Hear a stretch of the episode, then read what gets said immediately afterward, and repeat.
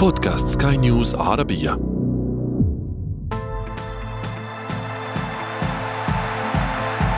أثير الكرة.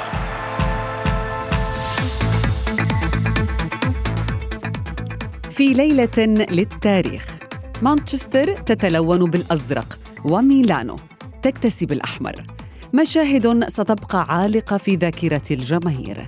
بعد مشوار طويل أرهق الكثيرين من أبطاله. في حين ذهب آخرون إلى إجازتهم الصيفية من دون دروع وكؤوس. الدوريات الأوروبية الكبرى ختمت المنافسة والموسم يلفظ أنفاسه الأخيرة في إنجلترا وإيطاليا بينما استعجل أبطال إسبانيا وألمانيا وفرنسا بالاحتفال مبكرا. ودعونا نحن ندخل في تفاصيل هذه الإنجازات. معي أنا شذى حداد والبداية من العناوين. ال Citizens ينجز المهمة الأصعب والميلان يتحدى سنوات من الخيبة لاستعادة لقب الكالتشيو. مبابي يدير ظهره للريال من أجل عيون فرنسا وصلاح يكتسح جوائز ال Premier League في موسم بطولي. وفي فقرة ما لا تعرفونه عن كرة القدم نكشف لكم أحد قصص الهبوط الحزينة في أقوى الدوريات العالمية.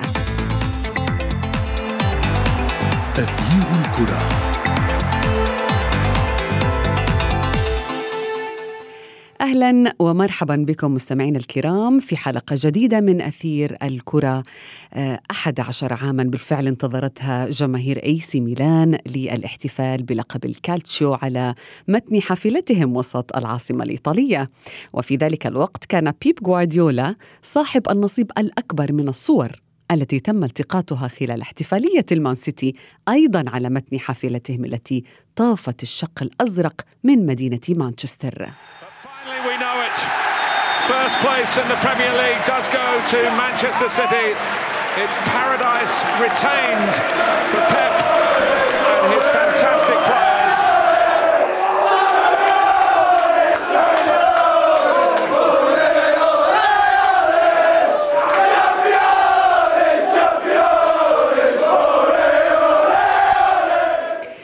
كانت هذه احتفالات نجوم ال Citizens في غرفة الملابس في ملعب الاتحاد. احتفال كبير لأن اللقب كبير أيضا. دعونا نتحدث عنه وعن ألقاب الدوريات الأوروبية الكبرى الأخرى مع ضيفي الصحفي الرياضي أحمد نجيب من القاهرة. أهلا بك أحمد. أهلا بك شذى ومستمعينك تحياتنا لك. أحمد دعنا نبدأ بالحديث عن مانشستر سيتي يعني استحق الفوز بلقب ال Premier League الصعب بعد موسم متعب مرهق يعني ولكن ما أبرز العوامل التي ساهمت في فوز مانشستر سيتي بلقب ال Premier League هذا الموسم؟ آه، موسم مرهق فعلا وصعب ولكن بيأكد لنا إن الدوري الإنجليزي أحد أمتع وأقوى الدوريات الأوروبية. يعني أنا مش حاضر في ذهني شذى آه، إن في آخر جولة بيتم حسم البطل والمتأهلين للدوري الأوروبي ودوري أبطال أوروبا ودوري المؤتمر وتحديد الهابطين والهداف وأحسن صانع العاب يعني دوري آه، شفنا فيه المتعة والإثارة والتشويق مرهق آه، جدا طويل شيق. ولكن في النهاية آه، آخر جولة حبست الأنفاس. يمكن بيتجرع ليفربول بعد 10 سنين بيعيش نفس السيناريو اللي عاشه غريمه الأزلي والتقليدي. مانشستر يونايتد في المباراة الشهيرة أمام كوينز بارك رينجرز. حتى بنفس السيناريو سيتي مغلوب 2-0 يقدر يرجع في النتيجة 3-2 ويحقق اللقب. أبرز العوامل يمكن تعتبر آه، خروج مانشستر سيتي من كأس الرابطة وكأس الاتحاد الإنجليزي ودوري أبطال أوروبا على يد ريال مدريد. أدى التكاتف وتلاحم الفريق وإصرار بيب جوارديولا أكثر على الدوري الإنجليزي وهي عقلية وفكر بيب جوارديولا أصلا واللي يمكن في إسقاط شهير ليها جدا بفيلم آه، وثائقي أنتجته آه، مانشستر سيتي لبيب جوارديولا بعنوان All or Nothing كل شيء أو لا شيء.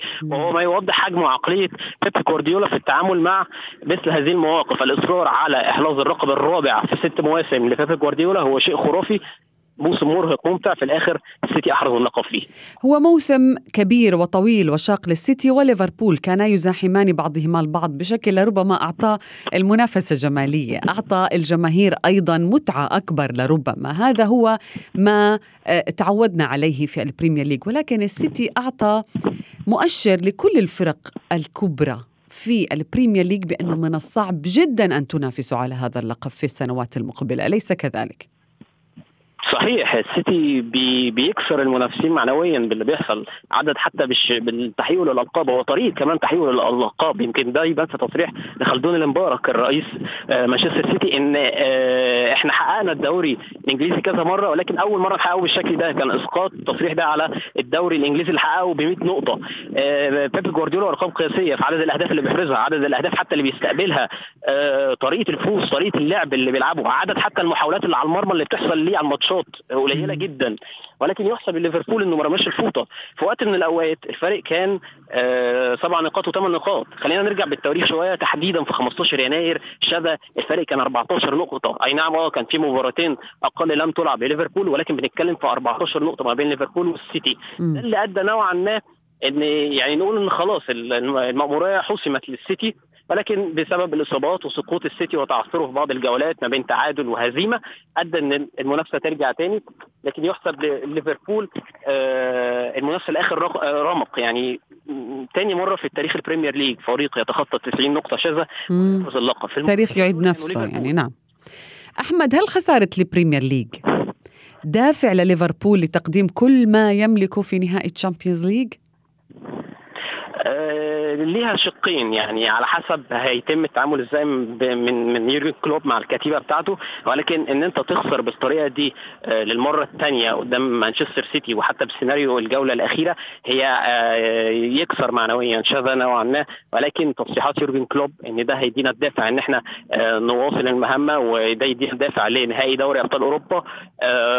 كتابة محمد صلاح على وسائل التواصل الاجتماعي إن المأمورية لم تنتهي بعد في إشارة إن الموسم لم ينتهي في مباراة لريال مدريد أو حتى إشارة عامة ان السنة الجاية ماموريه لم تنتهي وقد تحرز لقب الدوري الإنجليزي ولكن هي صعبة صعبة جدا إن أنت توصل لحجم آه، اللي عمل ليفربول 92 نقطة وما تحرز آه، الدوري الإنجليزي. هي عملية معنويا تكسر أي حد. خليني أقول لك إن الدوري اللي هزيمة اللي أحرزه أرسنال اللي ما حدش قادر لحد دلوقتي يعمله بالكاس الذهبية الشهيرة أحرزه ب 90 نقطة شذا. إحنا بنتكلم ليفربول جايب 92 نقطة ولم يستطيع الحفاظ احراز اللقب. آه، مرة أخرى أمام السيتي يحسم بنقطة وحيدة.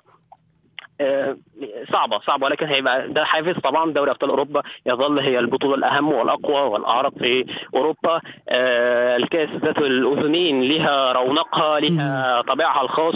كل آه، لعيب عنده الدافع ليها. في لعيبة جديدة بتثبت ذاتها في في في الدوري أبطال أوروبا السنة دي تحديدا منهم لويس دياز من المقدمات والإسهامات اللي بيعملها في ماتشاته. ففي اعتقادي هيبقى ده الحافز والدافع أكيد لكتيبة يورجن كلوب. ودافع لنا لأن نتابع لربما واحدة من أكبر مباريات هذا الموسم. ابقى معي أحمد نجيب سنواصل في أثير الكرة ولكن بعد هذا الفاصل. ما con l'Inter 11 anni. Non c'è stato proprio paragone. Forza Milan!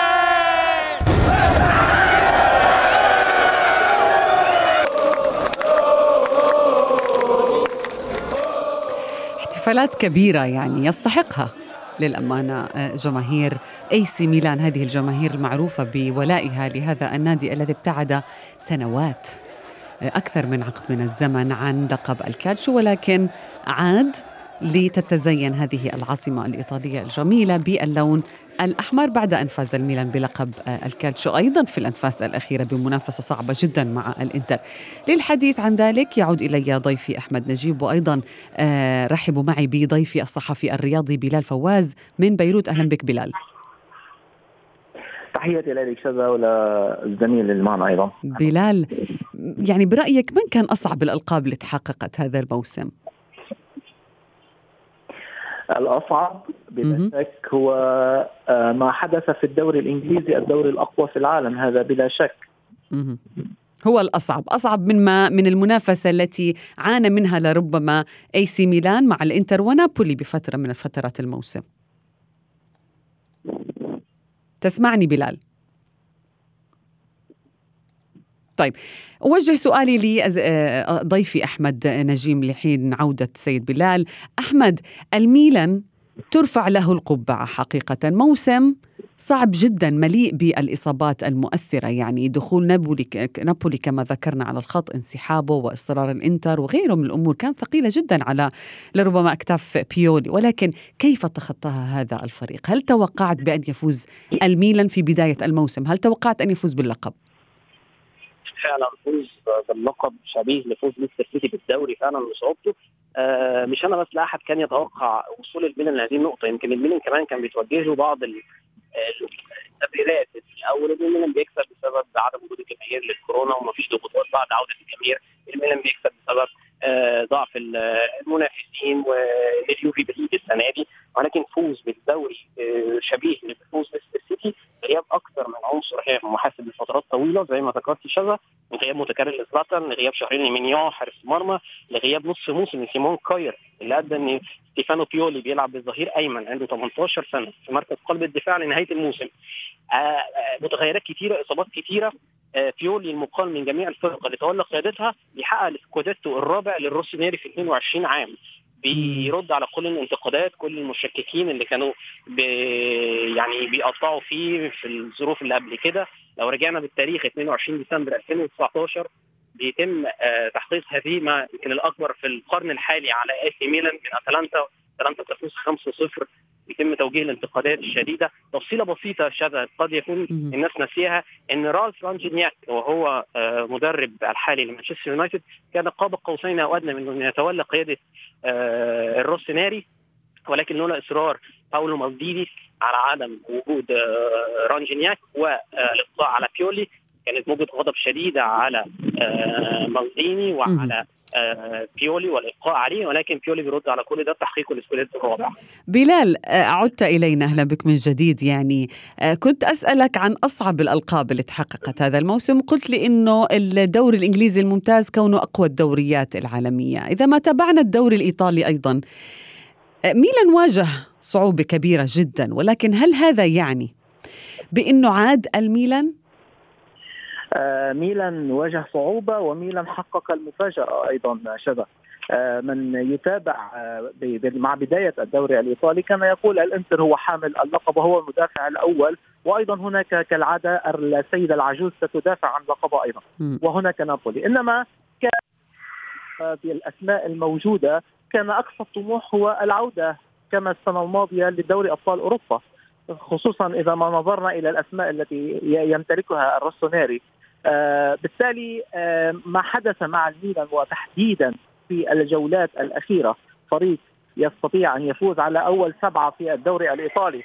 وتحديدا تحت الضغط تحت ضغط هناك ملاحقة الإنتر وضغط الجماهير وضغط العودة لمنصات التتويج فريق يستحق بلا شك أن يعود بعد غياب حوالي ال 14 سنة إلى منصات التتويج آه الميلان آه الميلان وتحديدا بقيادة آه المدرب بيولي.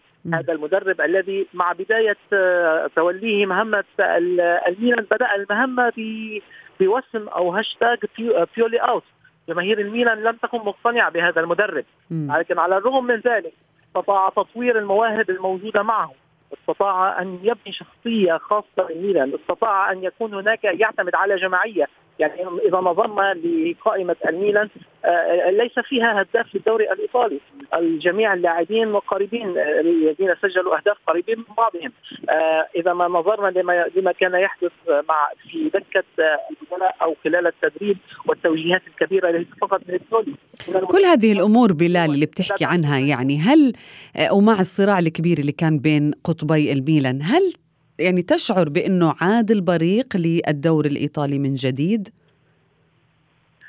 عندما ننظر أنه عاد وهج مدينة ميلانو ففعلا عاد البريق م. إنما الملاحظ نقطة يمكن الدوري الإيطالي هذا الموسم لم يأخذ حصته على الرغم من المنافسة الكبيرة. لماذا؟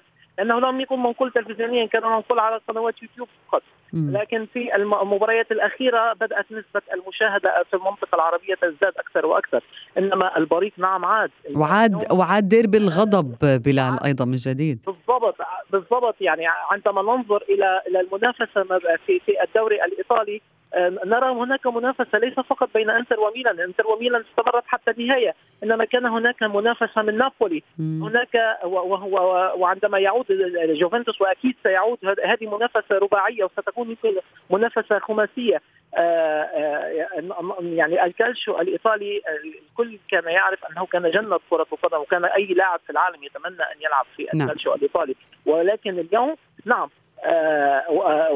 عاد عاد للمنافسه خصوصا إذا ما نظرنا للسنوات الماضية كان اليوفي يحسم اللقب منذ الجولة منذ قبل سبع أو ثمان جولات. هذا ولم يعد هناك. ننظر أندية القمة. أندية القمة آه، عندما تلعب مع الأندية الضعيفة آه، كان يعني ليست مضمونة أن تفوز. وهذا كله يعطي منافسة يعطي يعطي, يعطي جميل جدا. أمل أنه أن الكالشيو الإيطالي نعم عاد وسيكون في السنوات الماضية مع ضخ بعض الأموال أيضا.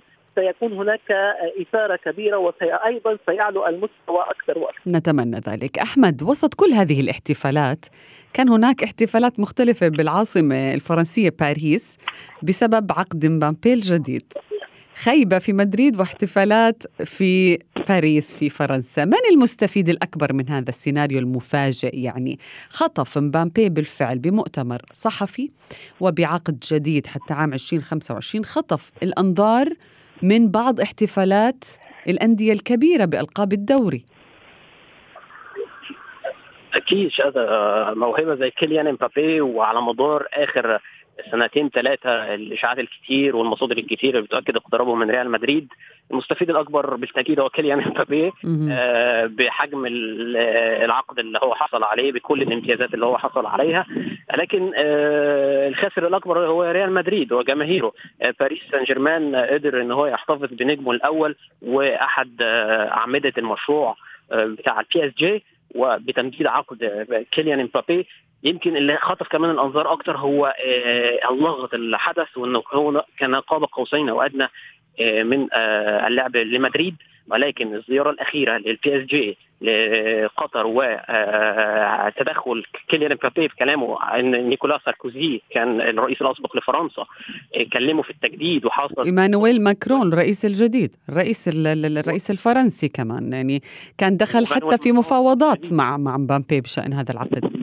بالضبط بالضبط. الرئيسين كانوا كلموه على التجديد ده بحسب تصريحاته هو. آه اللغط كمان والضجة اللي حصلت بسبب العقد الكبير جدا وحجم الامتيازات اللي بنشوفها لأول مرة تحدث لعيب كرة قدم إنه يبقى عليه الحق في اختيار المدرب ليه الحق في اختيار آه المدير الإداري وهي كل الوسائل التواصل حاليا وكل المصادر الصحفية بتؤكد اقتراب آه خروج بوكيتشينو المدرب البي إس جي بأمر من كيليان امبابي واقتراب خروج ليوناردو المدير الرياضي للبي إس جي برضه واللي ما كانش على علاقة وطيدة بامبابي طيب. حجم الامتيازات اللي واخدها العقد وال... وال... وأنا أول مرة أسمع حقيقة يعني مكافأة التوقيع للعقد 300 مليون يورو رقم خطير. بلال كل هذه الأرقام وكل هذه المفاجآت أو سيناريو مبابي هل يخدم طرف معين في قائمة ريال مدريد المكونة من نجوم كبار ممكن انه يحلوا بدال مبابي يعني مثلا هل من الممكن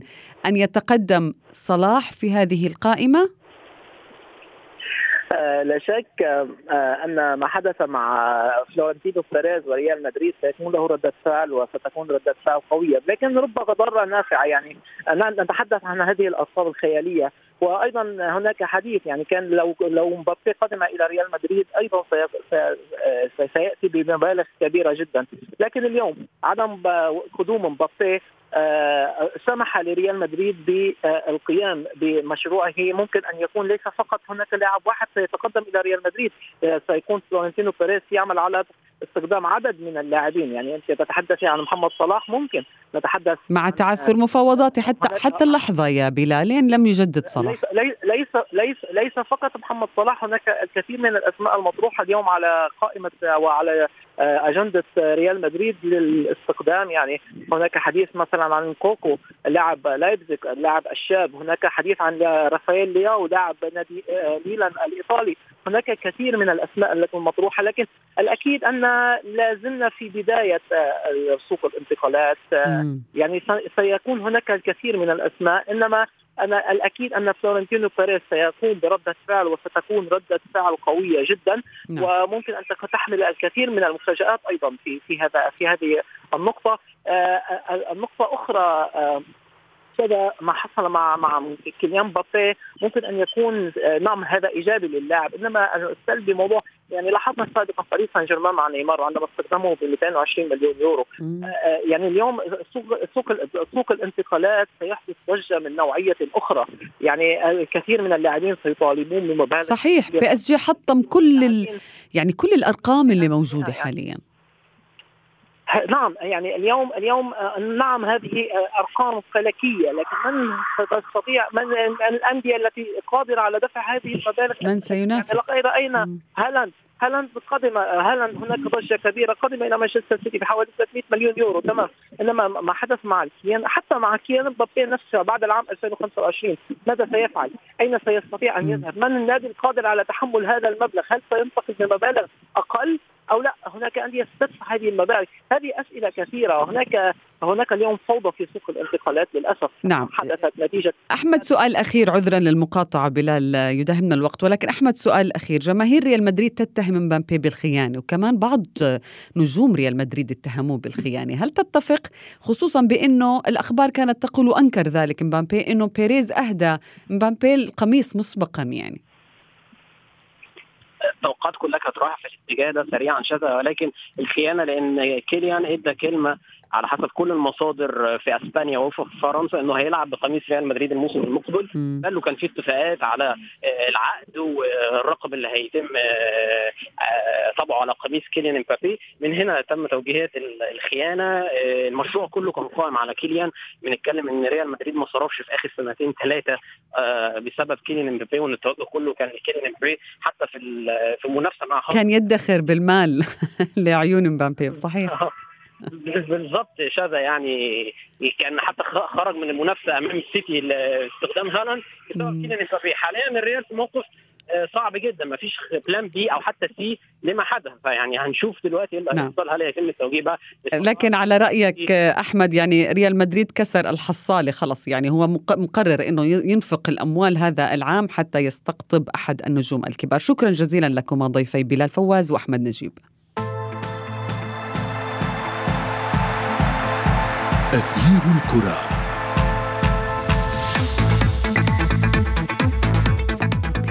تاريخ كرة القدم مستمعين الكرام حافل بالعديد من الحالات التي عانت فيها أندية من أزمات اقتصادية. وتشيلسي هو الأخير وليس الآخر لربما في طابور هذه الأندية. وفي فقرة ما لا تعرفونه عن كرة القدم نكشف لكم الماضي المرير لنادي ليدز يونايتد الذي أنقذ موسمه في اللحظة الأخيرة من الهبوط إلى الدرجة الأولى. ليدز يونايتد. كان قوة لا يستهان بها أواخر القرن العشرين. لكن كل ذلك تغير في بداية عام 2001 حين قرر رئيس النادي الحصول على قروض كبيرة مقابل الحصول على حصة من حقوق البث التلفزيوني وإيرادات الرعاية من التأهل لدوري أبطال أوروبا والتقدم في هذه المسابقة لاحقا. لكن ليدز يونايتد فشل في الصعود في وقتها إلى Champions League في موسمين متتاليين ونتيجة لذلك لم يتلقى ما يكفي من الدخل لسداد تلك القروض. وكان أول مؤشر لهذه الأزمة المالية هو قرار بيع ريو فرديناند إلى مانشستر يونايتد في صفقة تاريخية بين الغريمين. وقرر بعدها رئيس النادي التخلص من نجوم آخرين. فتراجع أداء الفريق حتى هبط إلى دور الدرجة الأولى في نهاية ذلك الموسم. ومع مواصلة المعاناة تراجع ليدز أكثر إلى الدرجة الثالثة عام 2007 قبل أن يعود من جديد إلى ال Premier League في عام 2020 وحتى يومنا هذا. وصلنا مستمعينا الكرام إلى صافرة النهاية من حلقة اليوم. ولكن انتظرونا في موعد جديد من أثير الكرة. هذه تحياتي أنا شذى حداد. إلى اللقاء. أثير الكرة.